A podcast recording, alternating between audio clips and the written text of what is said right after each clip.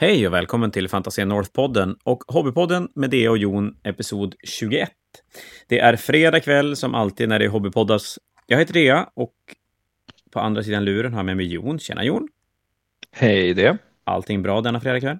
Det är bara bra. Man sitter ju och målar och poddar. Ja, det är ju helt underbart.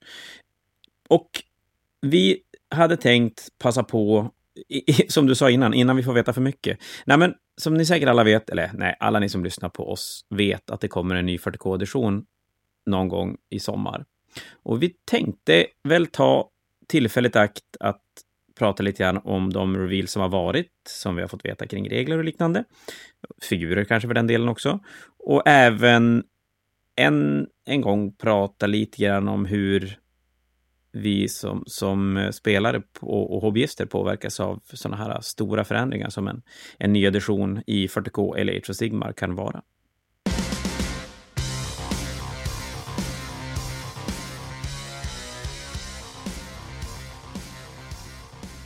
Men ingen hobbypodd utan målande.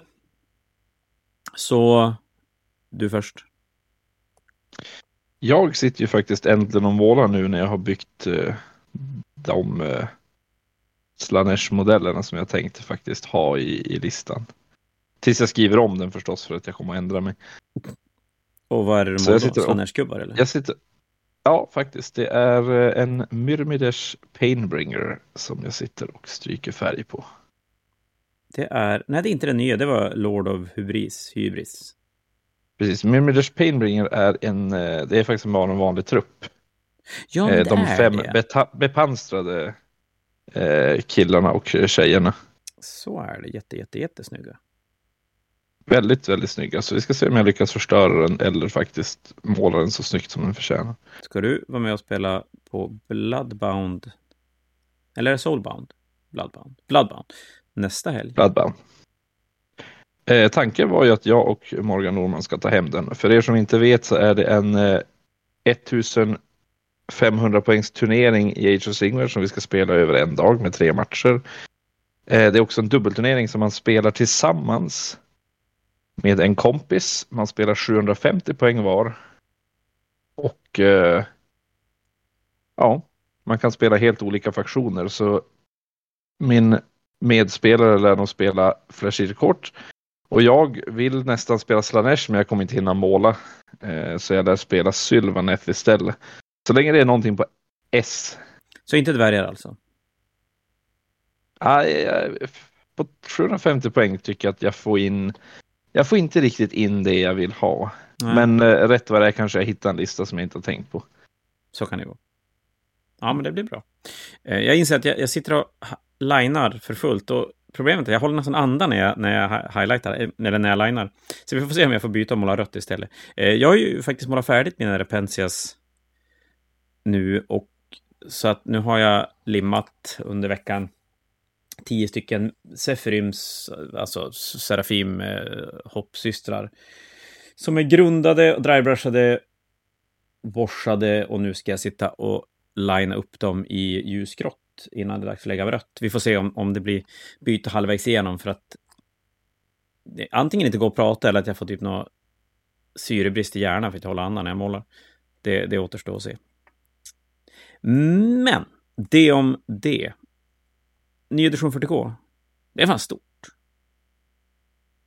Ja, det är, det är roligt. Särskilt nu när, ja, man säger, det verkar som att alla tycker om den senaste editionen 40K.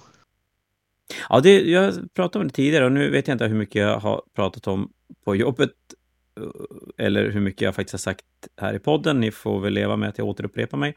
Men det är ju ganska ovanligt att vi går in i en ny edition där folk ändå är jävligt nöjd med den här editionen som är. Och det faktiskt aktivt spelas mycket 40K, även om det är mindre än vad det hade varit om de inte hade annonsat en ny edition. Men fortfarande, det spelas mycket, folk är nöjd. Eh, och så sen vet man ändå om att det ska komma nya grejer, generellt sett. Framförallt när det är sådana här stora förändringar, när de ska cancella kodexar och grejer, då brukar ju folk vara så jävla less på det, det regelsystem vi har. Och, och om vi, förra gången det hände en sån här stor förändring när de cancellade Korixar var man den sjunde, åttonde.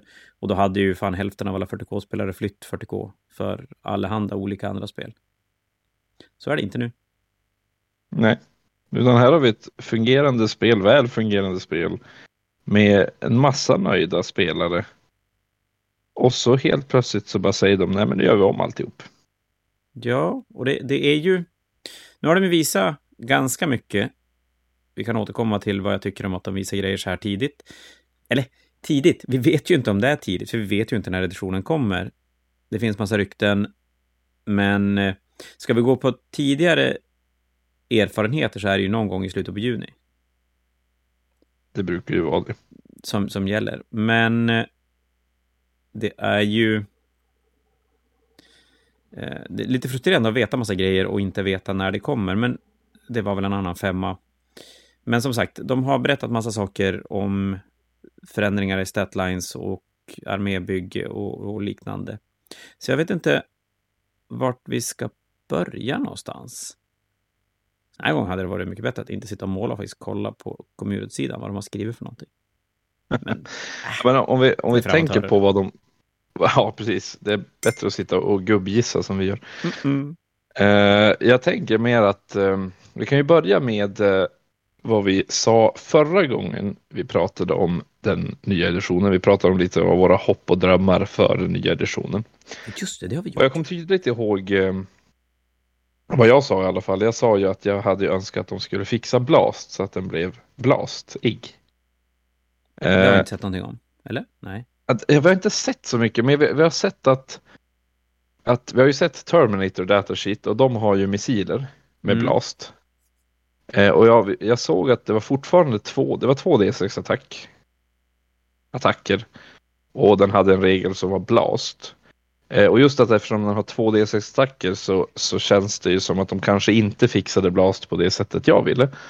Men det är svårt att säga för jag vet inte vad nya Blast-regeln gör. Blast kanske betyder någonting annat. Det jag däremot eh, hoppas på väldigt mycket det är att de inte gör en enhet på sex eller elva stycken så eh, markant mycket sämre än en enhet på fem eller tio. Ja, det är ju eh, faktiskt, alltså, man köper det för det är väldigt enkelt. Ja, men sex stycken, då blir det minimi och elva blir det minimi. Men som du säger, det blir en sån här sweet spot där det är väldigt dåligt att spela med sex modeller. Precis, man får helt plötsligt råd med eller elva, precis. Men man får råd med en sjätte marin. Man vet att nej, men jag gör min enhet mycket sämre om jag tar ja. Det finns ju, de har ju pratat om regler kring skyttet där om du slår sexer to hit så får du fler, eh, fler, fler träffar. Typ exploderande sexer eller vad man nu ska kalla det. Och Blas kanske har någonting sånt. Jag vet inte. Ja, det, det är möjligt. Uh, vi, vi vet ju egentligen ingenting. Jag bara hoppas egentligen på att uh, min förhoppning var ju om ni inte hade lyssnat på förra uh, episoden var att jag hade hoppats på att de bara skulle göra ett skott som som kanske splittrar sig i D6-skott eller något sånt där, bara för att man ska få känslan av det har ingenting med regler att göra egentligen. Det har bara med känslan av att man skjuter ett skott som går kaboom. Du vet att du har hängt upp det på en skitgrej? Ja, jag vet. Det är, det är en jätteliten skitgrej, men för mig, alltså, jag, den, jag, jag, spelar ju aldrig narrativt själv egentligen, men det narrativa i spelet är fortfarande väldigt viktigt för mig. Jo, men det är det ju. Det är det ju för mig också, även om jag inte alls spelar narrativa matcher så är ju, som du säger, känslan, känslan i spelet är för jävla viktig. Det går inte att komma ifrån. Det är därför vi spelar det här istället för Monopol. Va? Ja, men lite så. Även om eh, det kanske är coolt med en bil. Nej, jag vet inte. Jag skiter i det. Eh, jo, jag tänker att om vi ska börja någonstans så kanske man ska börja med det faktum att de har gått ut med att de cancelar alla kodexar. väldigt tydlig med att alla figurer man spelar med kan man fortfarande ha. Och det de, det de säger där, det är ju att de, de cancelar böckerna och gör nya böcker för att ge sig själv möjligheten att förändra. För att i artikel efter artikel så pratar de om simplified, not simple, använder de väldigt, väldigt ofta. Och med det menar, menar de då att det, det ska vara enklare, men det ska inte vara enkelt. Det ska fortfarande finnas det här djupet som behövs, tror jag, för att ett spel ska överleva så länge som 40K har gjort. Och de gör ju en del förändringar som känns rätt uppenbara när man, när man ser dem. Jag, jag tänker mig alltid att 40K har många gånger fastnat i att så här har det alltid varit, därför ska det alltid vara så. Eh, och i det här fallet har de då flyttat styrka, VS, BS från figuren till vapnet. Och det är ju egentligen en sån här skitenkel grej som är rätt briljant faktiskt. Det är, det är en grej som verkligen inte förändrar spelet överhuvudtaget. Nej, nej, men inte, inte alls faktiskt. Och, men, men det förändrar möjligheten för dem att på enkelt sätt göra e, en större skillnad mellan olika figurer. För till exempel då som de tog ett exempel. Om du har Chainsword på en, en Space Marine och du har Chainsword på en Gardes gubbe. Och det är klart, det, Chainsworden ska vara olika. Kanske inte för Chainswordets skull, men för den som wieldar den. Och då istället för att ha en, en, en profil där du måste titta både på en, på en figur, hur bra den är, och så måste du titta på vapnet för att se hur bra den är, så kan man bara fokusera på att egentligen i min attackfas, då är det vapnet som är intressant. Därför att gubben och vapnet är som ett, egentligen. Ja, men det blir fortfarande samma hit och wound roll så att den förändrar ju absolut ingenting i själva spelmekaniken utan det blir bara enklare för alla inblandade att kunna ja, se kan lägga in så här, och, minus, minus to hit för powerfisk kan de lägga in i statlinen och man behöver inte räkna matte för att veta hur hårt en carnifex slår. Utan Nej. styrkan är, är där och det är ju, det är briljant. Men det, det kan jag känna lite grann att ni som inte har varit med så BS har ju gått genom den förändringen också. Jag menar, det var inte jättelänge sedan. Eller okej, okay, det var ganska länge sedan. Eh, men, men det var inte superduper länge sedan. Sa jag det igen nu? Ja, det gjorde jag. Som man hade ett BS, man hade fyra i BS. Då träffade man på 3 plus. För det man skulle göra är att man tog BS 4, satte in i en tabell tabellen gav dig en siffra som du skulle slå för att träffa. Enkelt sett var det 7 minus ditt BS och det var du, hade, vad du fick för, för träffvärde. Och det var väl i sjunde editionen de gick ifrån det och bara så här, men varför, varför 4 i BS som blir 3 plus? Och bara ger den 3 plus i BS istället. Det är en enkel grej som känns som att det...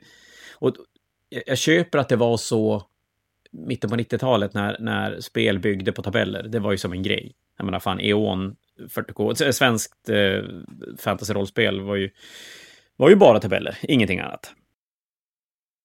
Mm, men det är bra att de kan överge den tiden. Ja, men jag tänker att, att de kan släppa saker som egentligen går att lösa på, på likadana sätt, fast på enklare, med enklare medel. Eh, jag känner samma sak med jätten till exempel, att den ska skatta... Äh, eh, nu är vi tillbaka, nu är vi till Age of Sigmar, men en jätten som faller och skattrar och randar på grejer och jätten som plockar upp saker och stoppar dem i byxan och... Det är ju sådana saker som har, har gått från att och varit väldigt komplicerat och, och som efter edition edition blivit förenklad. Konceptet finns kvar, men det har blivit helt... Det har blivit vettigt på något sätt. Ehm, och här gör de ju som sagt samma sak när de flyttar VS och BS och styrka till vapen istället för att ha kvar det på figurer. Ja, apropå det, ett litet sidospår. Jag har aldrig, alltså, jag fattar ju att det är en grej som har hängt med länge, men jag har aldrig riktigt förstått varför jättarna ska ha den regeln specifikt. Särskilt eftersom jätten, jätten har ju som krympt under de här åren. Men man förstod ju som det liksom när jätten var typ det största monstret som fanns. Liksom. Okej, okay, det kan ramla på folk. Ja. Men nu är ju jätten verkligen inte det största. Jätten kan ramla på folk, kanske, men inte, men... inte, inte katter. Nej, inte, inte Kragnos. Han kan inte falla. Nej, Kragnos som är en gigantisk drake, han kan inte ramla på folk när han dör. Men en liten jätte däremot, han kan göra det. Yep. Så. Är lite skumt. Det kanske ska ha varit en generell monsterregel istället. Ja, ja faktiskt. Och, och där kommer vi till snygg överhoppning där till en till sak som kommer tillbaka som har varit borta sedan femte editionen kanske? Generiska specialregler. Så no mm. more deep strike eller deep fall eller allting är samma sak. Man har deep strike, punkt. Sen om de ska döpa det till olika saker och referera till en, regelbo, en regel i, i grundreglerna, det vet jag inte. Men det ska inte vara tusen olika regler som är nästan samma sak, men ändå inte. Ja, men det är ju lite spännande. Vi, det är ju både bra och dåligt. Va? Vi, vi har ju... Förr så var ju det väldigt fullt, fullt av de här generiska specialreglerna i 40K och det fanns tusen av dem. Tusen av dem som inte ens användes. Kom någon ihåg vad Missile Lock gjorde i, i sjätte editionen? Nej. Nej, det gör inte jag heller kan jag säga och jag brukade ändå komma ihåg alla regler. Men Missile Lock, alltså det fanns så många specialregler i 40K. Eh, och till slut så blev det Ja, liksom men bara, var, men varför, varför, är det, varför är det så många specialregler? Varför måste det vara så generiskt liksom? Kan det inte bara stå på modellen vad det gör? Jo, men och här kommer vi till en ganska intressant sak när det kommer till en ny edition. För att det man hör nu från communityn är ju ett ganska unisont 40K är för mycket. Det är för svårt att spela, det är för mycket regler, det är för mycket att hålla reda på. Och eh, GW lyssnar och gör en edition som eh, vad allt verkar bli väldigt förenklad och strömlinjeformad. Och communityn köper det. Och det är ju kul att, att folk är nöjda, verkar nöjda över det, det de har lagt ut. Men det ska ju ärligt sägas att det är ju inte första gången en ny edition förenklar spelet enormt mycket. Och jag ska ärligt säga att det är väl egentligen först när vi ser hur länge de vågar hålla, hur länge de kan hålla den här förenklade linjen som det är ett tecken på att det faktiskt funkar. För det brukar ibland gå ganska fort till att ja, men den här gubben borde ju inte deepstrika precis som de här gubbarna deepstrikar. Den borde ju ha en liten egen touch på det. Och så blir det en liten egen wording. Och så kommer det någon regelinteraktion som, som inte riktigt lirar med varandra och så sen har man en FAQ som måste göras och helt plötsligt måste man kunna mer saker. Ja, det blir verkligen spännande att se hur, hur länge folk, eller folk ska jag inte säga, hur länge GV kan hålla det där. För att vi kan ju ta exemplet, förr i tiden kunde avataren inte bli skadad av Melta och Flamer Weapons till exempel. Mm. Eh, och det gick ju väldigt bra när, när Melta och Flamer Weapons alla var likadana, men sen kom en orkbok. Och orkers hade inte Flamer, de hade ju Burnas. Ja, just det. Och Burnas kunde skada avataren för de hade ju inte ordet Flamer i sin titel. Men var exakt en flamer regelmässigt? Ja, det var exakt en Flamer, det var ju bara namnet de hade ändrat på det för att en ork säger inte Flamer, de säger Burn. Men har inte det varit samma sak med någon bolter-grej till Space Marines och tveksamheter kring om Land Raider Crusader har, hade den typen av bolters? Om det var bolter eller om det var någonting annat. För det, det är också någon sån regel som har triggat kring ordet bolter, men vapen då som var inte riktigt heta bolter, men har varit en bolter, är det en bolter. Det, Det, det har ju varit mycket sånt, ja. Jag kommer aldrig glömma, jag tror att en, en till... Ja, för att när vi pratar om generiska specialregler, är det i tredje editionen de stoppar in det, eller var det i femte editionen de stoppar in det? Om vi säger fjärde och sjätte också, då har jag täckt upp ganska ordentligt. Men, och då var det ganska mycket specialregler. Alltså då var det nästan så här strategem, eh, många specialregler så att det kunde bli nästan rörigt att hitta, hitta dem i regelboken. Och känslan var att vissa av de här specialreglerna slängde de ut i regelboken och sen var det typ ingen enhet som använde dem. Missile Lock. Det, var den, ja. Jag vill säga, Hunter Killer Missile på en Lemarus en solig söndag, kanske. Jag vet inte. Det, Ja, typ, typ det, men jag tror inte ens Hunter Killer Missile hade Missile Lock. Men frågan om, frågan om det, det där är för att de var mindre brydd om regler då, mot vad de är nu. Att nu har de ju då designat om alla... Eller om vi gör så här då, om vi, vi backar det och säger att förra gången de gjorde så här och indexerna som släpptes då var ju väldigt, väldigt, väldigt strömlinjeformade. Och det vi har sett av datasheetsen nu från Terminators... Vad har vi sett? Vi har sett Terminator, vi har sett några... Nej, det är väl bara Intercessor har vi sett va? Eh, vi Och har sett några, vi har sett Terminator. Librarians fick vi se också. Och så sen har vi sett Ork, eh, Weirdboyen också. Ja, i alla fall. Eh, Det känns ju som att det vi får nu i indexerna känns mer färdigt än vad det, det gjorde förut. De, ja, de jag tror att det, jag, jag, tror att det blir bättre nu än vad de gjorde förr. För att eh, tricket för att generiska regler ska vara bra är ju att de ska användas. Ja. Eh, och sen ska samma typ av vapen, oavsett om det är en burner för en ork eller en flamer för en marin eller vad det nu kan vara för Prometheus eh, cannon eh, på en eh, Knight eller whatever. Att alla de ska ha samma typ av eh, både regler och, och, vapen. Nu behöver inte reglerna vara exakt de behöver inte ha samma styrka och AP och sådana saker. Men, men om en av dem är ett flamer weapon så måste de andra också ha det. Kasta ett vapen brinnande, brinnande bensin liksom så måste de ju eh, liksom ha någonting gemensamt om det här ska fungera. Ja, de måste ju, våga, de måste ju våga låta bli att göra allting unikt på det sättet. Ja, och det, där har vi inte bara brinnande bensin, vi har ju det fanns ju en terrängbit förut. Det var fuel pipes. Som om du stod i närheten av dem och sköt med flamers, då gjorde du typ ondare än vad du gjorde om du inte sköt flamers. Jag tror att det var så. Och då var väl biovåren, nej, pyrovåren, en sån där, ja men den skjuter en flamer för den skjuter ju inte gas eller att den, det är något gift den skjuter och räknas det ändå som. Så att, nej, de måste ju vara väldigt, väldigt noga med att inte falla i att, ja men, Death Guard ska ju ha Plague Chopra som gör att det inte blir riktigt en volter som gör någonting annat. Nej, precis. Och om nu Death Guard ska skjuta gift med sina flamers, då ska de ju inte ha en flamer-regel, eller hur? Nej, um... men precis. Då måste de ju ha någonting eget. Och, och, men å andra sidan, ja, i och för sig eget, då kan de ju ha eget och så står det på datasheeten vad det egna är.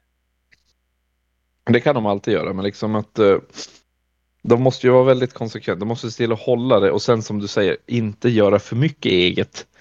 Så att man inte använder specialreglerna de har skrivit. Nej, för det är klart, det, säg att det dröjer tre böcker och så sen har det då kommit ett kodex som helt plötsligt här Necrons kommer och de använder ingen av grundreglerna. Utan, och fine att alla deras regler står på datasheetsen, men då tappar du ju helt vitsen det här med att stoppa in generiska specialregler. Så det blir spännande att se. Och faktiskt inte bara från GVs sida skulle jag säga.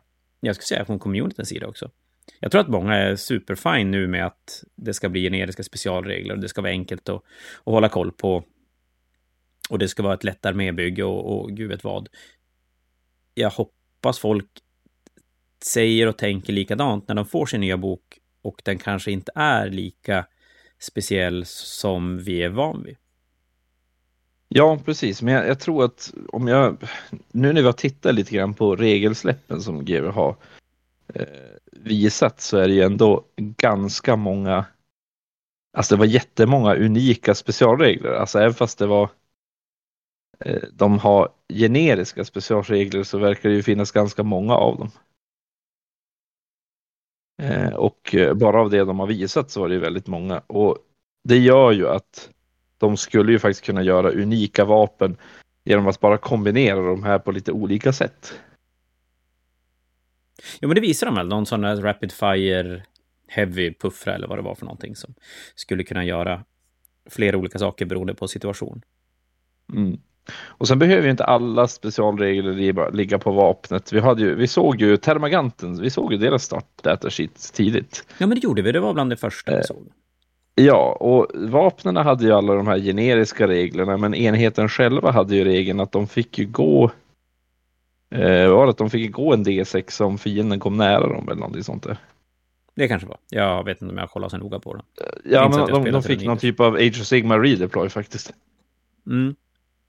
Eh, och det är ju visserligen, det är ju, ett, det är ju en eh, det är en regel som ligger på enheten och inte på vapnet, men, men där, redan där har man ju redan gjort någon form av unik grej på, på enheten. Och sen att vapnet inte har speciella regler som kanske helt skiljer sig från, från andra faktioner, det är ju lite mindre, det spelar lite mindre roll när enheten är så pass unik också. Men det, det det gör är generiska specialregler gör väl att de kan ha mindre text på, på datasheetsen för att vissa regler finns i regelboken redan från mm. grund.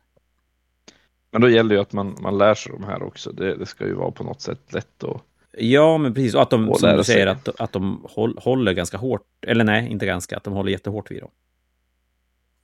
Ja, precis. För att kunna lära sig de reglerna så får det inte vara en massa enheter som sticker ut och bara skiter i reglerna. Nej, för det är klart, blir de då väldigt tongivande, då, då är det ju de som sätter ribban och inte reglerna ur, ur regelboken. Precis, varför lära sig regler som ingen använder? Missile lock. Missile lock. Jag kommer inte ens ihåg det. Det är magiskt. Men säger vad, det. vad säger vi annars då? Det, som sagt, vi har sett ganska mycket regler. En sak som jag ska bli spännande att se vad vi kommer att tycka om när det väl kommer till kritan, det är ju det faktum att det verkar bli mindre val när man köper sin armé. Jag såg till exempel att Psykers ska ha inbyggda Psychic Powers. Och att vi inte ska kunna välja. Och det är ju frågan, är det någonting som kommer kunna hållas till kodexerna eller kommer vi där att få eh, fler Psychic Powers att välja mellan? Och det där är en jättebra fråga. Kommer... Eh, det där är ju lite både och va. Eh, det är svårt att säga. Det kanske finns generiska psychic powers men, men i så fall att de gör lite grann som i Age of Sigmar att eh, varje magiker eh, i Age of Sigmar har ju sin egen spell på sin war scroll. Och sen får alla välja en extra från en lore liksom.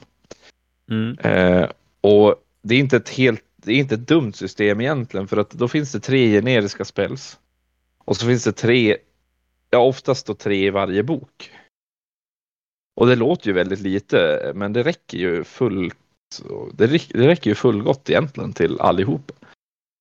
För att du tar ju magiken specifikt egentligen för dess egna spel eller för att den kan kasta många spells och du har tillgång till de som du vill kasta, kanske i din generiska lår. men då, då gäller det ju liksom att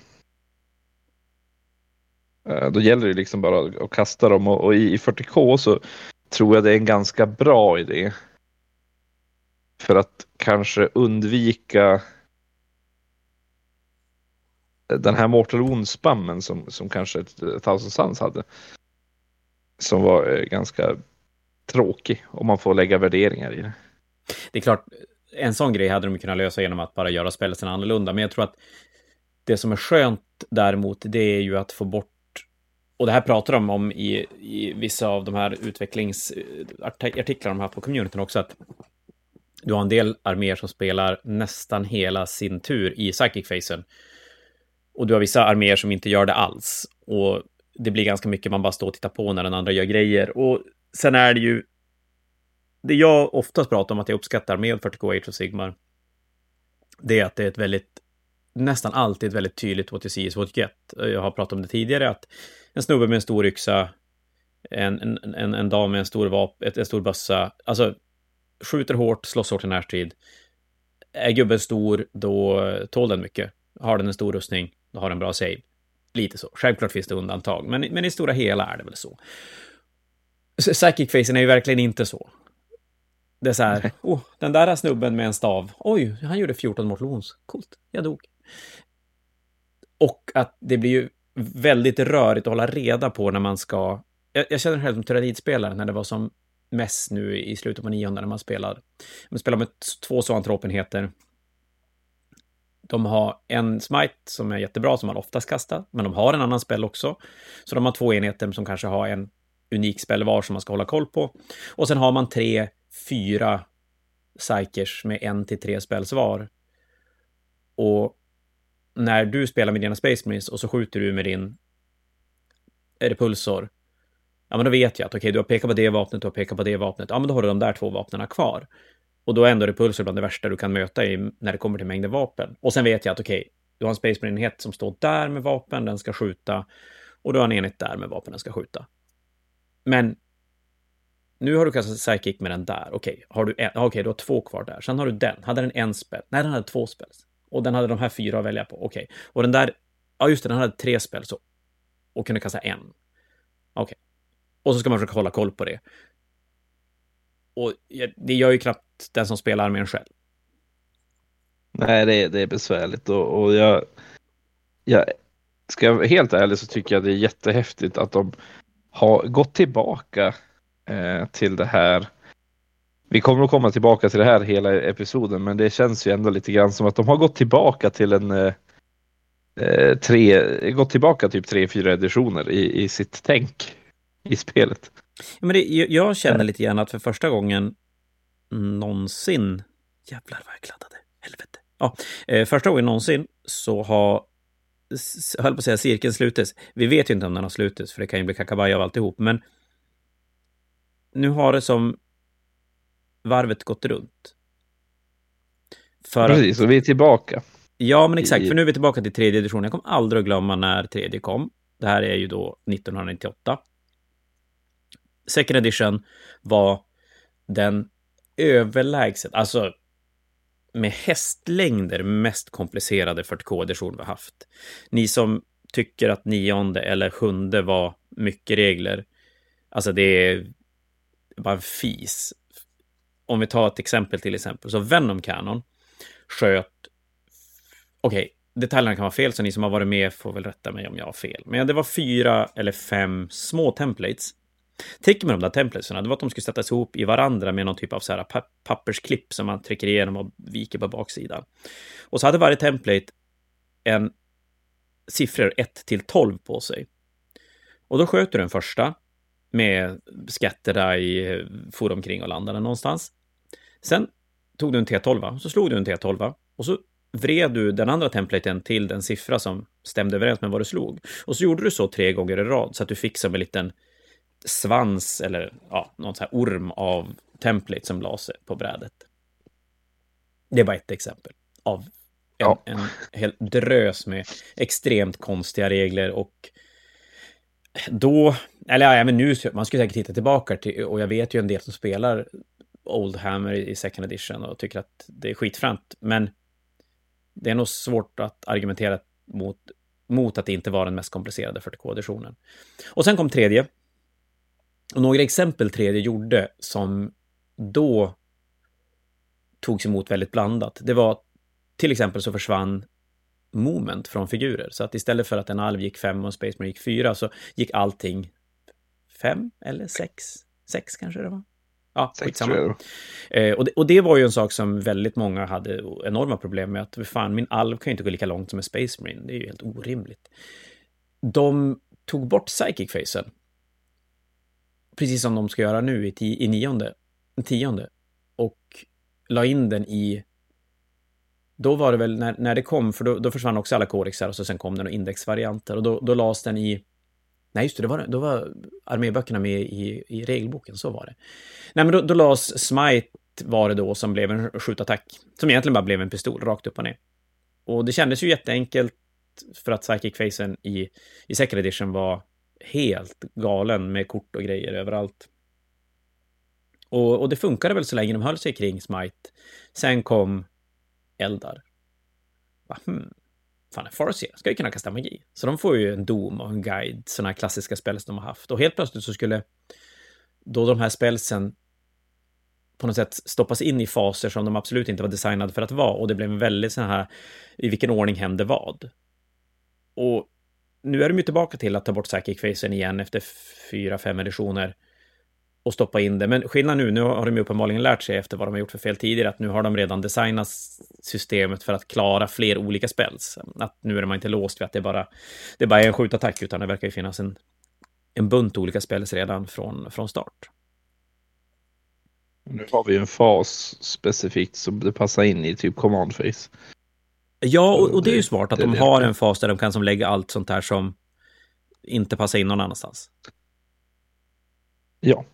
Och, och men, men ni ska ju veta att det är ju inte första gången de, de förenklar. Men som vi pratade om just det här med att vi har gått varvet runt. Och ja, vi har nu kommit tillbaka till Psychic Faces ska stoppas in i andra faser och, och en förenkling igen. Men jag tror att de har lärt sig ganska mycket så att jag, jag gissar att det kommer hålla bättre nu än vad det har gjort tidigare. Ja, nu har ju faktiskt GW lärt sig. Det är ju jättebra och jag är väldigt. Jag är faktiskt väldigt taggad på det här psychic-ändringen. Om jag bara tittar på Smite på den här uh, Librarian som vi fick se som var för övrigt en sjukt snygg Librarian. Ja, helvete vad han dog. Dog? I, i det trailern? Jaha, ja, du menar så. Ja. Eh, Ja, jo, men absolut, fortfarande alltså, fruktansvärt snygg modell. Tänkte jag. Och eh, att han har då smite i, inbyggd i, i, alltså som ett skyttevapen. Eh, Mm. det, var väl, inte- det är väl inte ens en, jag vet inte ens om det kommer vara en, ett psychic test eller inte för att eh, både hans foresword och smite-vapnet hade ju den här psychic-regeln. Liksom. Ja, det blir spännande att se vad den gör. Om, om den... Om de har kvar på något sätt att man ska kunna hindra det eller om... Ja, det har vi inte fått veta. Ja. Nej, det har vi inte fått veta. Personligen hoppas jag att man egentligen inte riktigt ska kunna hindra eh, psychic powers eller att man snarare kan ge upp kanske, ja, eller att man kan typ ge en sköld om man har sina egna psykers liksom. Eh, men vi får se hur de, hur de löser det.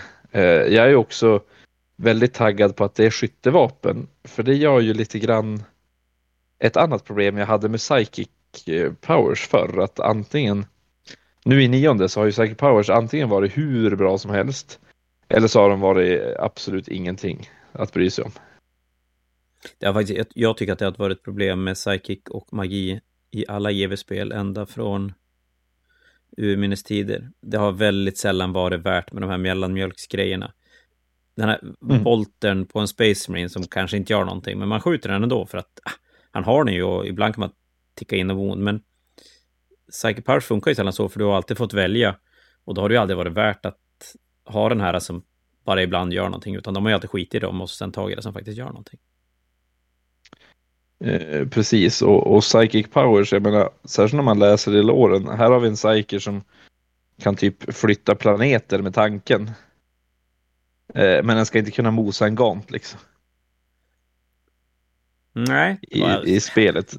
Det är ju känsligt när man börjar titta på lore och se hur bra de borde vara.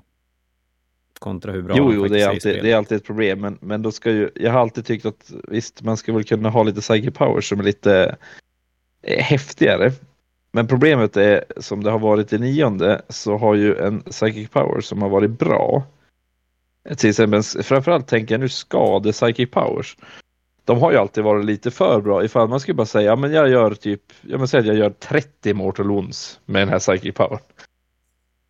Det skulle ju vara helt brutet i 40K. Ja. Men med, genom att göra det skytteva- till ett skyttevapen. Med kanske till och med som förr när, som Witchfire var att det var en hitroll och det var en wound roll och det var AP och allt sånt där. Då får du ju både in det i under andra regler men du kan också göra ett väldigt kraftigt vapen.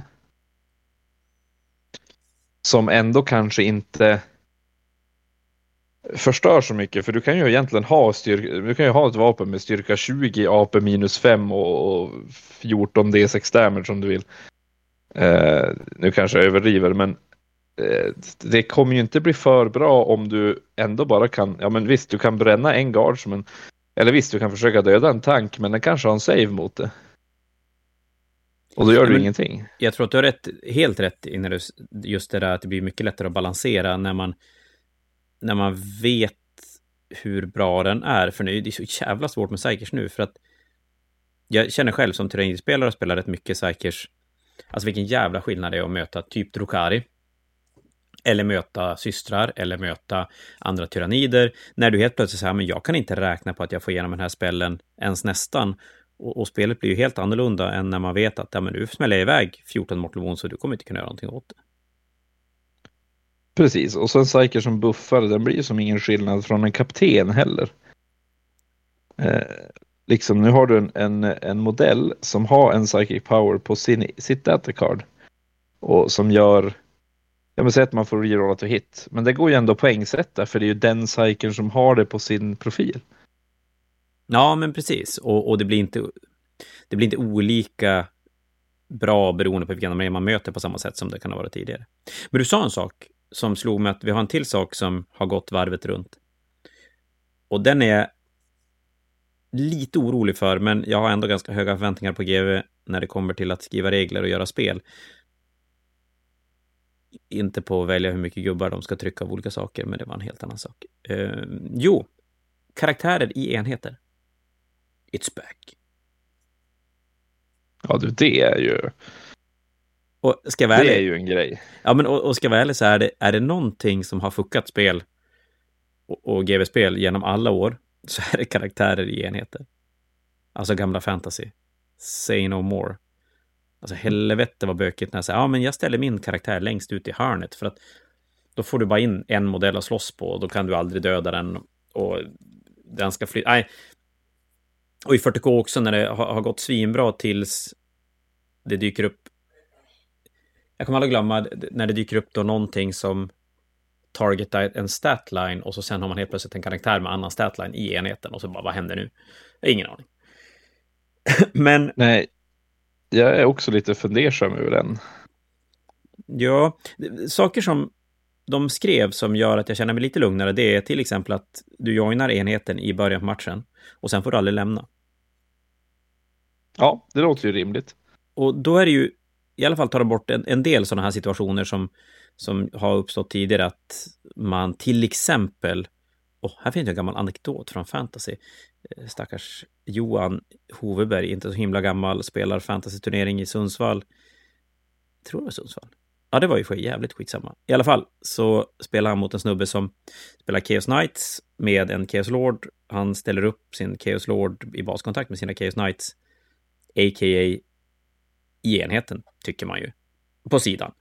Och så sen lite senare under matchen så, och han, som jag förstått det så går han med dem i stort sett som en enhet. Och så sen lite senare under matchen, ja men då chargear min chef dit och min enhet dit. Så bara, men du får inte chargea olika enheter, för det fick man inte göra under den editionen. Nej, nej, nej, det här är inte samma enhet. De har bara gått bredvid varandra. Jaha. Kul. Kille. Yay. Um, och, och lite sådana saker slipper man ju om man är med i enheten eller inte med i enheten. Ja, jo. Det där är ju dock eh, kanske inte, det där, kan, det där är kanske ett exempel som inte ska sätta tonläget för Nej, hur regeln inte. ska funka. Nej, kanske inte. Nej, nej, faktiskt inte. Nej, men jag pratade med en, en ny spelare idag eh, och han om att bygga egna grejer. För det är ganska många nya spelare som... Alltså man, det är kul att bygga eget och man ser mycket på nätet som bygger eget. Men sen hör man ju jättemånga som pratar på om just det här med att bygga eget och hur folk blir arga och grejer när, när man har gjort och det är svårt att se vad saker och ting är och sådär. Men, men man ska väl säga det att det är ju roligt att prata om de här ytterligheterna i hobbyn, men de är ju just det, de är ju ytterligheter och det händer ju för jävla sällan. Och det är sällan jag, jag Ja. har aldrig sett någon som inte har fått spela för att det har varit oklart vad det är Nej. för att ha byggt någonting eget. Nej. Och det, det, vi spelar Det ganska många matcher och det är rätt sällan det blir dålig stämning eller att någon beter sig på ett jävligt konstigt sätt. Men det blir väldigt roligt att prata om det i efterhand, därför kan det ju låta som att det, det händer oftare än vad det, vad det gör. Jag menar, mina historier från Second Edition 40K, på tal om dumma saker, jag kommer ju bara ihåg de dumma sakerna. Inte fan kommer jag ihåg de normala grejerna som hände i det spelet. Det är ju alldeles, alldeles för länge sedan. Och så är det väl för oss alla. Och det ska vi nog komma ihåg när vi, när vi pratar om, om hobbyn och, och gamla regler och, och matcher och, och så, så vidare. Nej, men sagt, karaktärer i enheter. Det, på ett sätt så bör det kunna lösa ganska mycket problem. Eh, å ena sidan så finns det ju risk att det skapar massa nya problem, men det låter som att buffar och grejer kommer numera bara ges till enheter som karaktären är med. Och så kommer det att finnas större karaktärer som kan ge mer armévida buffar. Jag kan tänka mig att till exempel Robert Gillman är en sån karaktär som kan ge en buff utan att han är med i enheten. Känns ju rimligt i alla fall. Men det är ju faktiskt väldigt intressant liksom. Eh, särskilt också om man ska vara helt ärlig nu, om, om enheten karaktären är med i dör men karaktären överlever. Att karaktären inte får göra en ny enhet. Nej, men precis. Och jag, du vet inte om det är så, men jag, jag, det, det såg ut som jag det när man läste. Och för att man joinar i deployment. Men det är ju i alla fall eh, bra, för då har man ju gjort ett... Man har gett mer val, men man har ändå begränsat valen för att undvika massa konstiga situationer som då kan uppstå. För vi har väl, Ja, och du och jag spelar 40K när man har börjat resonera så här, okej, får jag lämna en enhet och joina en enhet samma runda? Det, det blir mycket extra regler för de här situationerna som nästan aldrig uppstår, men ändå måste täckas. Jo, det är, det är onödigt att, att det är onödigt att skriva in sitt hörn där man måste skriva en massa extra regler. För att bara, bara kunna ha mekaniken. Around. Kanske den dummaste regeln jag någonsin har skrivit. Åh gud, jag kommer inte ens ihåg den, men jag kommer ihåg namnet nu när du säger. När man vann combat i gamla fantasy och fick, om man var bredare än motståndarenheten, fick man flytta gubbar från bakre ranken till sidan och föll senare även bakom motståndarens enhet för att kunna slåss med fler gubbar, för där fick man bara slåss med de som stod längst fram. Eh, det skapade enormt med mängder med konstiga situationer. Ja. Och väldigt mycket regler för någonting som inte spelade så himla stor roll. Men det, det var väldigt en... sällan. Ja, jo, absolut. Men... Det var ju väldigt sällan det där uppstod. Ja, eftersom ingen visste hur reglerna funkar så sket man bara i det. Ja. Men regelmässigt, ja som sagt, det, de har hunnit berätta en hel del och nu helgen med start ikväll så kommer vi att få veta mer. Eller ja, ikväll vet jag inte, men i helgen i alla fall kommer vi få veta mer om 40K. Förmodligen kommer vi även få veta en, eh, ett releasedatum, skulle jag gissa i alla fall. Ja, det är det vi sitter och väntar på, så det skulle inte förvåna mig. Någonting som känns också väldigt spännande kring 40K just nu, det är ju armébygget. Där verkar hända ganska mycket grejer. Ja, men där känner jag nästan att det behövde hända lite grejer. Eh, dels för att de skulle ens få, få, jag tror att de behöver ändra systemet du bygger på eh, bara för att få ordning på sin egen app. Ja, de, de har helt enkelt designat nya 40Ks armébyggarsystem för att de ska kunna göra en app som faktiskt funkar. Nej, men jag tänker att de måste dra ner på de tusen miljarder olika val du gör i ditt armébygge. Och då pratar jag inte så mycket om equipments och grejer, för det är ju, det är ju inte så konstigt. Men så här, vilket attachment ska jag använda? Vilka enheter öppnar upp om jag köper ett attachment? Hur många command points får jag? Vad... Ja. Nej, det går, det, det går att göra en lång radda med grejer som rätt kan bli ganska besvärlig. Ja, och den behöver inte vara så besvärlig. Det, det är väl det som är det, grejen. Det, det, att, att, att välja detachments, hålla koll på command points. Det tillför ju inte spelet så mycket, om jag ska vara helt ärlig.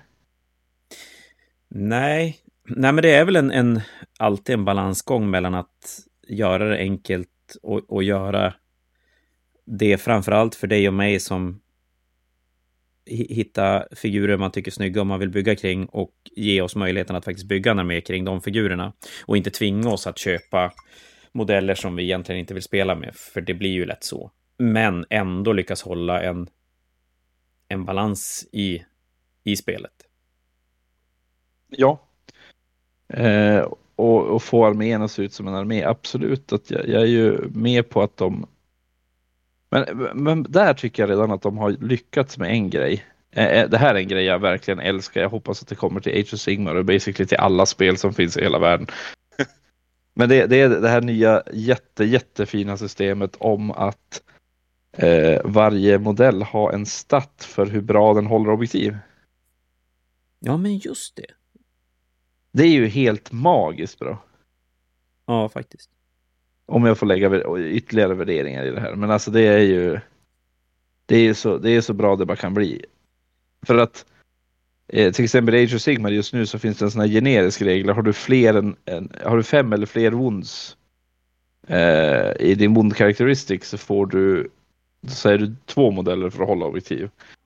Men på det här sättet så kan du verkligen göra troops till viktigare, för nu har vi sett eh, termaganterna till exempel och de, de har ju två, ja, vad heter det, objektiv... Control points? Eller ja, OC va? Ja. OC, ja precis, objective control och sånt där. De hade ju en stat på två. Mm. Vilket betyder att de kommer ju vara dubbelt så många modeller eh, på objektivet än kanske en elitmodell som har ett. Mm. Eh, och samtidigt så kan man göra en, ett, ett, en, eh, en modell som kanske är helt värdelös på, på allting, men den är som designad för att den ska som gräva ner sig och hålla objektiv. Den kan ju ha hur hög stat på det där som helst. Och stridsvagnar kan ha mycket och olika stridsvagnar. Istället för att säga alla stridsvagnar är fem modeller på objektiv så har man istället gjort att ja, men den här stridsvagnen den är så bra på att hålla objektiv så den är många. Men den här eh, eh, landspeeden den ska ju inte hålla objektiv alls så den är typ fortfarande bara ett eller två liksom. Ja, de ges ju själv Det är ju, ytterligare möjlighet att balansera enheter. ja, och det är ju ett jättebra sätt att balansera enheter också. Bara för att då behöver inte enheten vara den som dödar mest eller tål mest eller allt sånt där. Utan du får, eh, du får en väldigt tydlig roll att ja, men vi är väldigt bra på att hålla objektiv. Mm, mm. Ja, den är faktiskt, tycker den är jätte, jättebra, är den. Och det blir ju även en enkelhet i att, att räkna. Alltså, vem håller objektivet? 1, 2, 3, 4, ja, du håller.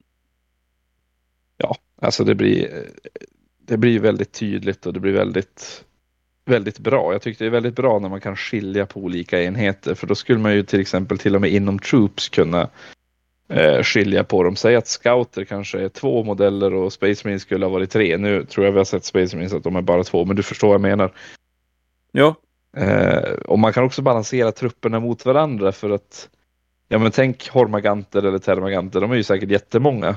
Eh, Space Marines kanske bara är fem. Och därför kanske varje Space Marine skulle kunna vara värd mer. Men eh, det spelar egentligen ingen roll hur man kan göra det. De har ju gett sig själva möjligheten. Egentligen oändligt många möjligheter till att göra eh, en väldigt fin och balanserad eh, mm. enhet.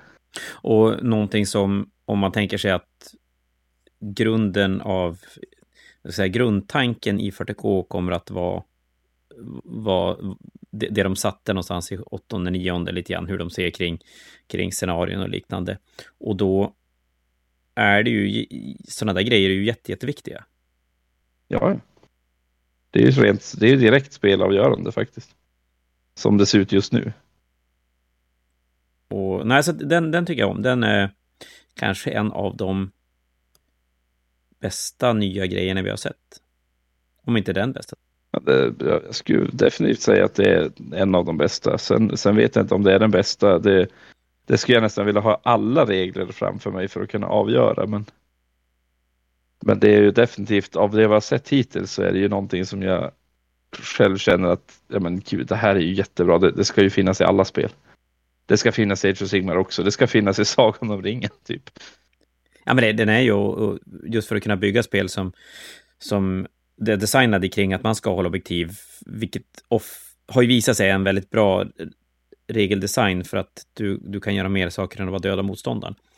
Och då blir ju den, den staten enormt viktig och, och som du säger ett sätt att skilja saker och ting ännu mer från varandra. Mm. Och första gången Det vi är får en, jag taggad på. men första gången vi får en statline, nu ska vi se, rätta om jag har fel, men som inte påverkar alltså motståndarens figurer, men ändå påverkar spelet jättemycket. Ja, det, det skulle jag ju säga. Absolut. En till Modellerna har ju hittills bara varit döda. Ja, faktiskt. Ja, men det har ju bara handlat om att döda eller överleva. Alltså, just... Det är bara krig. Det är, det är det som har varit hundra fokus. Men nu kan de ju för första gången göra en figur som egentligen inte slåss alls, men, men ändå kan vara hur bra som helst i spelet. Eh, En till sak Mm. jag tycker om av det de har berättat, det är moralfasen, hur de ändrar den. Ja, framförallt hur de plockar bort den. Men där moral numera för första gången någonsin inte är jag står kvar eller jag dör, eller flyr och riskerar att dö. Utan nu kan du inte dö i moralen som, som det verkar, utan att du istället tappar möjligheten att bli buffad, du tappar möjligheten att, att kanske hålla objektiv. Sådana saker istället. Framförallt var det inte till och med att du tappar möjligheten att gå. Det kanske man gjorde också. Man skulle Vilket slå... jag tyckte var viktigast. Ja, man skulle slå när man var under hälften i command-phasen. Och misslyckades man, då hände det grejer. Sen om allt det där hände, eller om det bara hände några saker, eller om det var olika beroende på hur man misslyckas, det vet vi inte. Men en till sak som de har gjort bra där och en riktig jävla skitgrej egentligen, men det är att nu ska du slå högt på dina... Det det är bra att slå högt på dina moraltest. Ja, det har ju alltid varit lite De har alltid stört mig på att... olika. Va? Ja, men det, det är en ganska liten löjlig grej, men alltid så här, ja men det är alltid bra att slå högt, förutom. Alltså, det, fusktärningar har ju aldrig funkat. Det är ju jättedumt. Man får ha egna fusktärningar för moraltesten. Nu kan man bara köra samma hela tiden. Ja, nu kan du fuska lättare. Svinbra. Eh, nej, så moralfasen, mm. den, den förändringen, den, den, ser jag fram emot. Jag tycker att den verkar vara li, lite grann som någonting vi har pratat om tidigare som jag inte kommer ihåg, men just det här att de, de släpper lite grann saker som alltid har varit. Ja, jo, men det, det är bra att de gör det. Eh, samtidigt så sitter jag här och eh, jag är nästan spänd av förväntan att höra. Ja, men alla de här som faktiskt påverkade moral förr. Vi hade ju till exempel Flayed Ones och eh, hela subfaktionen av Drukari till exempel som kan skrämma motståndaren. Jag skulle jättegärna vilja se vad de gör nu, för det känns som att än att bara döda lite fler, det är inte som lika relevant om du kan till exempel hindra en motståndarenhet från att gå. Jag menar, det är hur viktigt som helst. Man vinner ju det här spelet i, i movement ändå. Så. Ja, spontant kommer ju sådana... Alltså, det känns ju som att det kommer att bli bättre att, att påverka moralen, men det kommer att krävas mer av spelaren för att få värde av det. För det är ju, det är ju alltid enkelt att bara döda.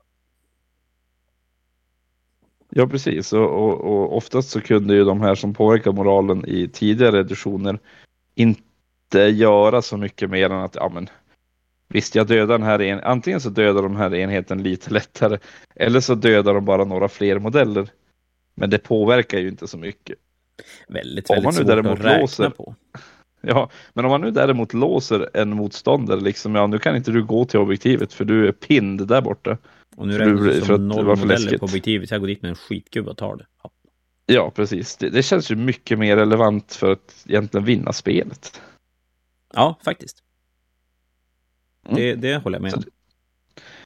Så det känns eh, spännande. Det känns som att moralfasen har blivit relevant utan att den har kanske ja, tagit över helt eller, eller bara eh, varit en Parentes. bara en ren smärtsam fas eh, att ta sig igenom. Jag skulle säga moralfasen och psychic facen har ju ofta lik, kunnat liknas med varandra. Att det är verkligen sådär, antingen spelar det ingen roll alls eller så spelar det all roll. Precis. För vi har ju gamla, ja, både gamla second edition och fantasy under ganska lång tid. Då kunde ju matcher avgöras helt och hållet på ett misslyckat moraltest. Ja, och det var ju inget roligt sätt att vinna eller förlora på kan man ju säga. Nej, men alltså ju, ju mer de kan låta bli att allting bakas ner till ett tärningsslag, ju bättre mår ju spelen, vill jag säga. Ja. Och vi har en del mardrömshistorier från ja, gamla fantasy definitivt, för det är så himla många matcher som har varit. Och så sen även har jag några så gamla 40K-matcher som har avgjorts på ett väldigt konstigt sätt på grund av något misslyckat moraltest. Där. Jag har faktiskt spelat en gammal fantasy-match där jag inte flyttade några figurer alls. Jag spelade mot Empire med mina odöda. Så vi deployar, eh, Empire-spelaren börjar, skjuter en kanonkula och man drog som en lina och då drog man ju alltid över generalen i enheten. Drog över min general i enheten. Jag misslyckades lockout, sir. Min general dör. Jag hade byggt en armé som inte hade några hjältar i andra enheter, vilket innebar att alla enheter bara dog. Man bara, okej, okay, coolt. Ska vi börja om? Och så kunde vi börja om utan att vi hade flyttat typ. Han backade på några enheter. Jag hade inte gjort någonting alls. Eh, nej, sånt har vi väl kommit en bit ifrån. Jo, vi ska vara glada för det. Jag har, det här Canon Sniping är ju, är ju något som eh, man störde sig på lite grann. Samma sak i 40K, eh, templet sniping, när, när basilisken var typ det bästa snipervapnet ja, i spelet. Det är dumt. Och det hoppas jag verkligen att de har varit noga med att låta bli den grejen och även sådana här line of sight-saker som där man kunde börja ställa sig så att ja, jag såg bara din sergeant och när jag sköt så det var den som dog eller ja, sådana där dumma saker. Mm. Och såg, apropå line of sight, vi såg ju terrängreglerna för ett par dagar sedan. Ja, terrängreglerna. Jag vet inte om det är jag som Theo som, som... Eh, nu fick vi inte veta allt, så det är väldigt svårt att säga någonting. Men den var kanske den delen där jag fick mest sån här, wow, hur, hur ska det där funka? Hur ska det där funka? Jo, det, där, där är ju problemet att vi får inte veta allt. Men Nej, och det där så... blir det viktigt att veta allt. ja, där jag såg det jag gillade, det var att de behöll att ruinerna blockar line of sight.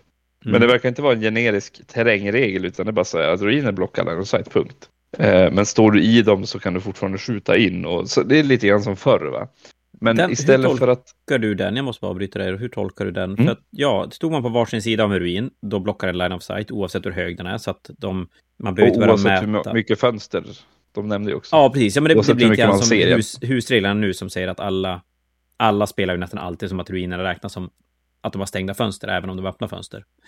Eh, men att de måste vara fem tum hög för att, för att plocka line of sight oändligt högt.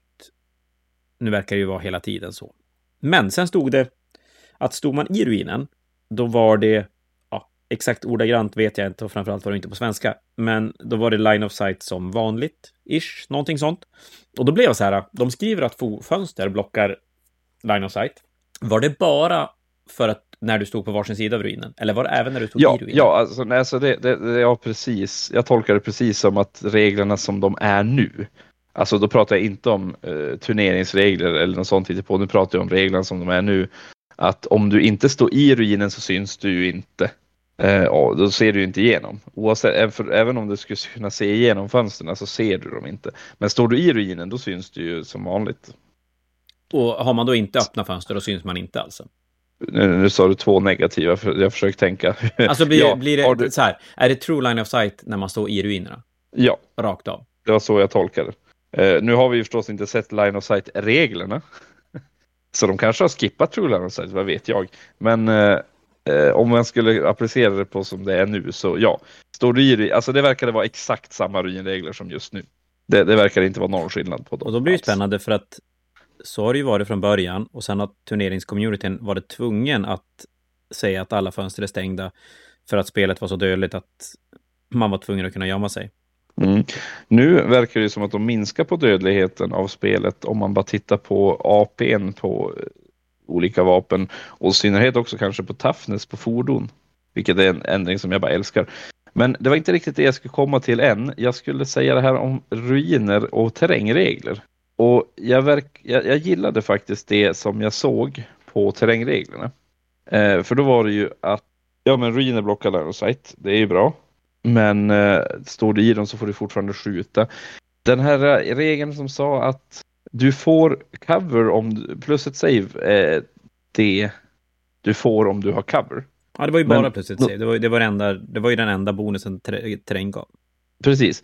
Men det stod där också, det jag såg var eh, att enheter får cover om de inte syns. Eller alltså om det är någon del av enheten som täckt så får du cover. Ja, det var debris var så. Ja, men det var, det var så på eh, benefit of cover-regeln generellt. Det kan vara generell regel. Ja, eh, och sen så var kraten ett specialfall att där, där fick du cover om du stod i den, även om du inte var helt täckt. Och så vidare. Men, men, men det var just att om, om någon bit av eh, din eh, modell var täckt så fick den cover. Mm. Och det fick mig att tänka på att kanske är det mer saker än infanteri som kan få cover nu. Nu, stå, nu stod det ju att, att de, eh, de bara fick cover ifall de var eh, ifall de kunde få cover. Så de begränsade säkert på något sätt. Men det, det skulle ändå vara lite kul att se. Kan fordon få cover nu genom att stå bakom en stor stenbit kanske eller något sånt? Det jag tycker var lite intressant i, i den där texten där, för där stod det, jag tror att det var under debris, när man läste den regeln, att såg man inte en hel modell oavsett avstånd så fick den cover, eller benefit from cover. Och då stod det att när en unit skjuter och target unit inte syns helt och hållet, då får den cover. Och då slog det mig att om du har 10 Space Marines som skjuter, skjuter man då unit, för som det är i 40K nu och även Age of Sigma, då är ju spelet skrivet för att man slår på modellnivå, men att man fast dice rollar i enhetsnivå. Men som regeln var skriven där, och det var som inte en del av flufftexten, då använder de unit som, och inte model. Och då är frågan då, om tio Space Marines skjuter och en av de här tio ser inte hela Rhinon, får den där äh, cover för att uniten skjuter på den? Eller får den cover från en Space Marine och inte från de nio andra? Jag läste också det där och jag tolkade det som att det var enhetsnivå nu. Ja, precis. Och Snarare då är ju frågan då så här, om, om 10 Space Marines skjuter, en ser inte hela Rhinon, får då Rhinon cover från alla? Och då bl- blir ju följdfrågan, vad händer om det är bara nio Space Marines som ser och en inte ser? Eh, Oj, du menar rent line of sight-mässigt? Ja, men exakt. Eh, för att då skulle ju då bara nio få skjuta. Och jag hoppas verkligen, och nu har vi sett så lite så att det här är ju säkert löst, men, men för spekulationens skull, att vi inte hamnar i ett läge där det är bättre att kliva undan med en Space Marine så att den inte ser den alls, så att man bara skjuter med nio, än att skjuta med tio för att en ser den så att den ger, får lite cover och helt plötsligt så blir det mycket svårare att döda den. Hänger du med? Ja, vi får ju verkligen se var vi hamnar där. Jo, ja, det, det, är ett, haft... det är ett gammalt problem. Ja, men jo, precis. Och vi har haft sådana problem vid andra tillfällen också. Vi hade ju så här sniper-grej tidigare där man, man kunde bara döda. Och, och, det gick väl från att man kunde döda hela enheter till att de eh, ville, det skulle vara värt att gömma sig. Så man kunde bara döda det man såg. Och när man läser det i början så är det helt fantastiskt. Ja, men det är skitsmart. Det är klart du bara ska kunna döda det du ser när du skjuter. Problemet är ju när du själv kan avgöra vad du ser för någonting. När man tar typ två rhinos och så kör man framför, framför en enhet. Och så bara gör man en smal gata till hans heavy weapon. Och så, ja ah, men nu ser jag bara ditt heavy weapon. Den dog.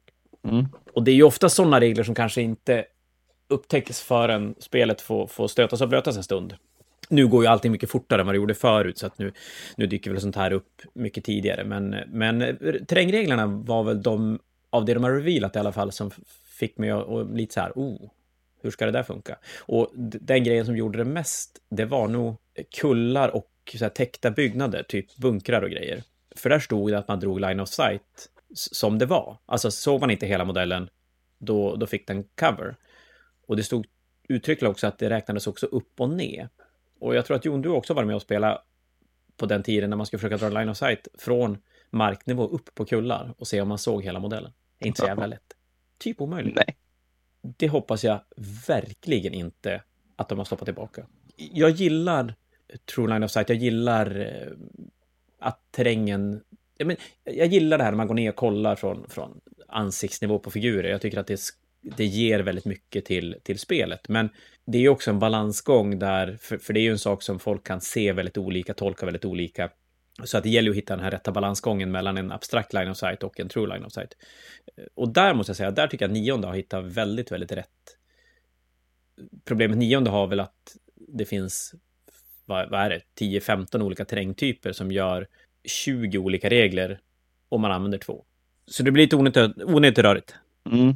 Men det är lite som du säger, det är kopplat till att spelet är så pass eh, dödligt så att du kan inte bli sedd. Eller snarare, du måste ge mot folk rum att gömma sig innan matchen börjar så att den inte är över för fort. Ja, och det är väl kanske där någonstans GVs stora jobb är att lyckas hålla spelet, ja men hålla nya släpp intressanta och, och just nya på andra sätt än att bara vräka på mer eldkraft eller närstridspunch. Men där, där kommer ju återigen den här eh, Objective Control-statten in. Där har de ju redan öppnat upp för något väldigt kraftigt som inte är ond bråd död. Ja, absolut. Men det ska ändå tilläggas att det spelar ju ingen roll hur mycket objektiv poäng du räknar som om det står en Hammerhead på andra sidan och skjuter 43 miljarder skott och bara dödar dig. Nej, det går ju absolut inte. Så att det, det är ju jätte, jätteviktigt att de inte faller för frestelsen att göra nytt genom att bara pumpa upp saker och ting så att det skjuter, slåss ännu hårdare. Men ändå inte kanske bara tål mer stryk, för att du och jag har ju spelat en killteam-match som verkligen visar på hur tråkigt spelet kan vara, eller hur tråkigt spel kan vara när det inte händer någonting. När vi spelar Space Marine mot Space Marines i killteam, och det här är första, ja, första killteam är ju det här eh, som kom efter uh, Armageddon-spelet. Men i alla fall, vi spelar Space Marine mot Space Marines och det enda som händer under en hel match, och det är ändå typ två timmar, det är att en Space Marine lägger sig ner en gång. Ja, det, är helt, det var helt magiskt tråkigt. Ja, men faktiskt, man vill ju döda saker och, och historiskt sett tror jag, jag har inte gjort någon undersökning på det här, men det känns som det, att nya editioner tenderar att vara väldigt stryktålig. Och ju längre in i en edition man kommer, ju dödligare blir spelet. Och så sen kommer en ny edition och så sen svänger det tillbaka till att bli mer stryktåligt. Jag tycker mig att Age of Sigmar gjorde ungefär samma resa också. Ja, det gjorde den.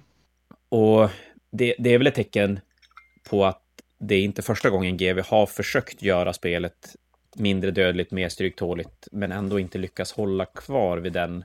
Utan man har blivit lite sugen på att, ja men nu ska den här nya enheten komma. Mm, borde ju göra lite mer. Och så sen börjar det. Så att, äh, svår balansgång. Jag, för jag väljer nog hellre ett dödligt spel än ett stryktåligt spel om jag ska ta ytterligheter. Absolut, eh, och det, var, det är egentligen det, där ska jag försvara Age of Sigmar lite grann. De jag känner att det var lite med flit faktiskt. För eh, tredje editionen, Age of Sigmar, då blev ju allting fruktansvärt stryktåligt för att de introducerar save stacking i ett spel som knappt hade någon eh, rend överhuvudtaget. Ja, men visst, of Sigmar är på en ganska som... bra plats nu va? Men ja, nu, nu har de ju alla nya böcker som de introducerar mer rend och så kanske en, en hälsosam dos av mortal wounds också för att backa upp det mot den riktiga, eh, riktigt stora save stackingen. Så att jag känner att nu är ju spelet dödligt. Men det är ju inte för dödligt. Du kan fortfarande bara tok stacka en massa save på en modell och bara säga den här ska åt mig. Du kan döda de här men du, den här ska överleva liksom. Och det är schysst. Det, det tycker jag är en, eh, en bra balansgång liksom. Jag skulle säga att vi har fått lite samma känsla av 40K av det de har visat nu, att de verkar ha tittat en hel del på Age of Sigmar när det kommer till de där bitarna, bland annat. För du har, som det låter, så kommer du inte att kunna buffa andra än enheterna du står i. Så att du kommer inte kunna, och du får bara en karaktär i en enhet. Det, det fanns undantag till det här då, men, men generellt så skulle det vara så. Och det innebär ju att det går inte att monsterstacka en enhet, utan att det blir lite lagom lite överallt.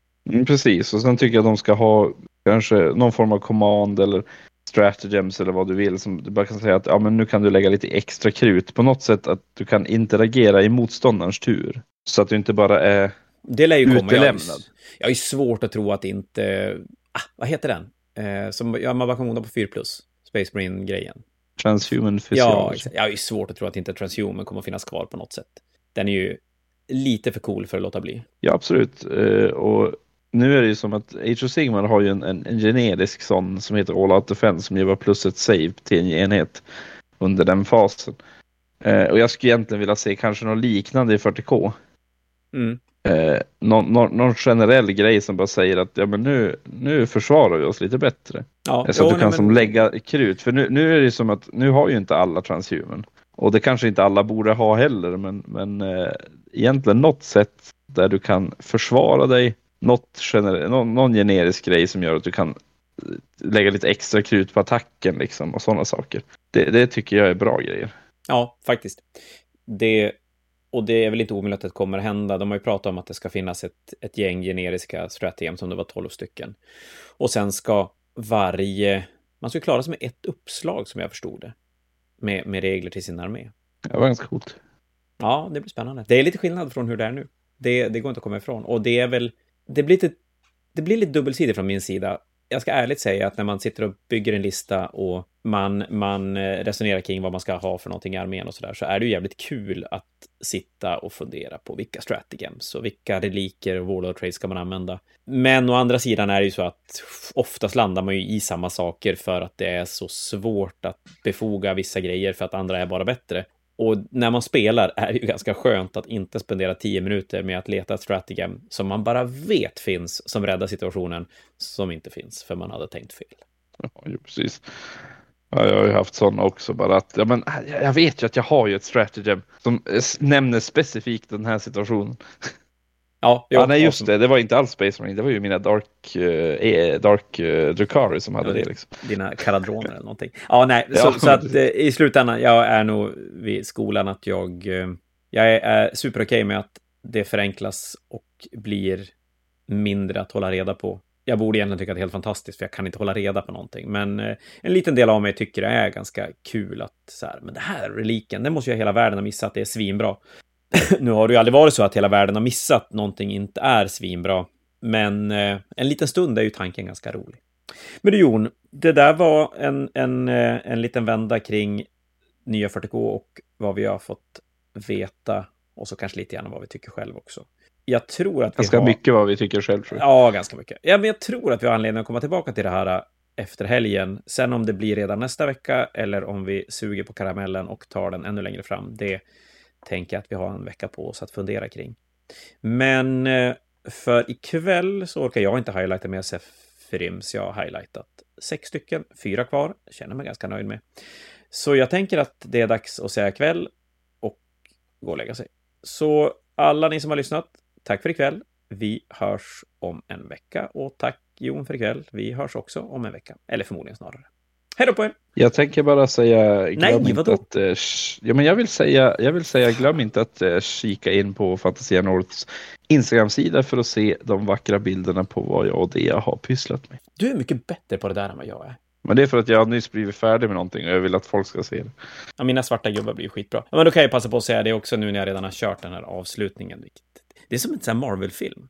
Efter eftertexten. Ja, nu blev det eftertexttiden. Ja. Eh, Fantasia North har en Patreon på Fantasia North, eller på Patreon om du söker på Fantasia North. Gillar ni våran podd och tycker att den är värd att stötta och även få lite extra fördelar kring, kring hobbyn så eh, finns vi där. Ni är jättevälkomna att att gå in och stötta oss där. Men eh, oavsett så tycker vi att det är jättekul att ni lyssnar på oss vilket som, så att, eh, känn inte att ni måste. Och just det, Instagram, Fantasia North Sweden, får ni kika lite mer på jag och Jons eh, projekt som vi håller på med. En till sak, nu okej, nu en till sak innan vi säger hej då. De har ju pratat om Combat Patrols och att spelet ska balanseras så att man kan spela Combat Patrols mot varandra. De antyder om att det kommer att finnas någon typ av krycksystem som ska göra att orkerna kan spela mot Space Marines eller vad det nu kan vara för någonting. Och då slog det ju mig att i sommar vore det inte för jävla coolt att köra någon typ av Combat Patrol Challenge. Det skulle vara jättehäftigt eh, och ni hörde det här först. Eh, men vi kanske får återkomma om det när vi väl har sett regeln. Faktiskt. Vi avvaktar med det. Jag har massa systrar och annat att måla. Men du, Jon, tack för ikväll och tack alla ni som lyssnat. Nu blir det inga mer eftertexter. Vi hörs om en vecka. Hej då på er. Hej då.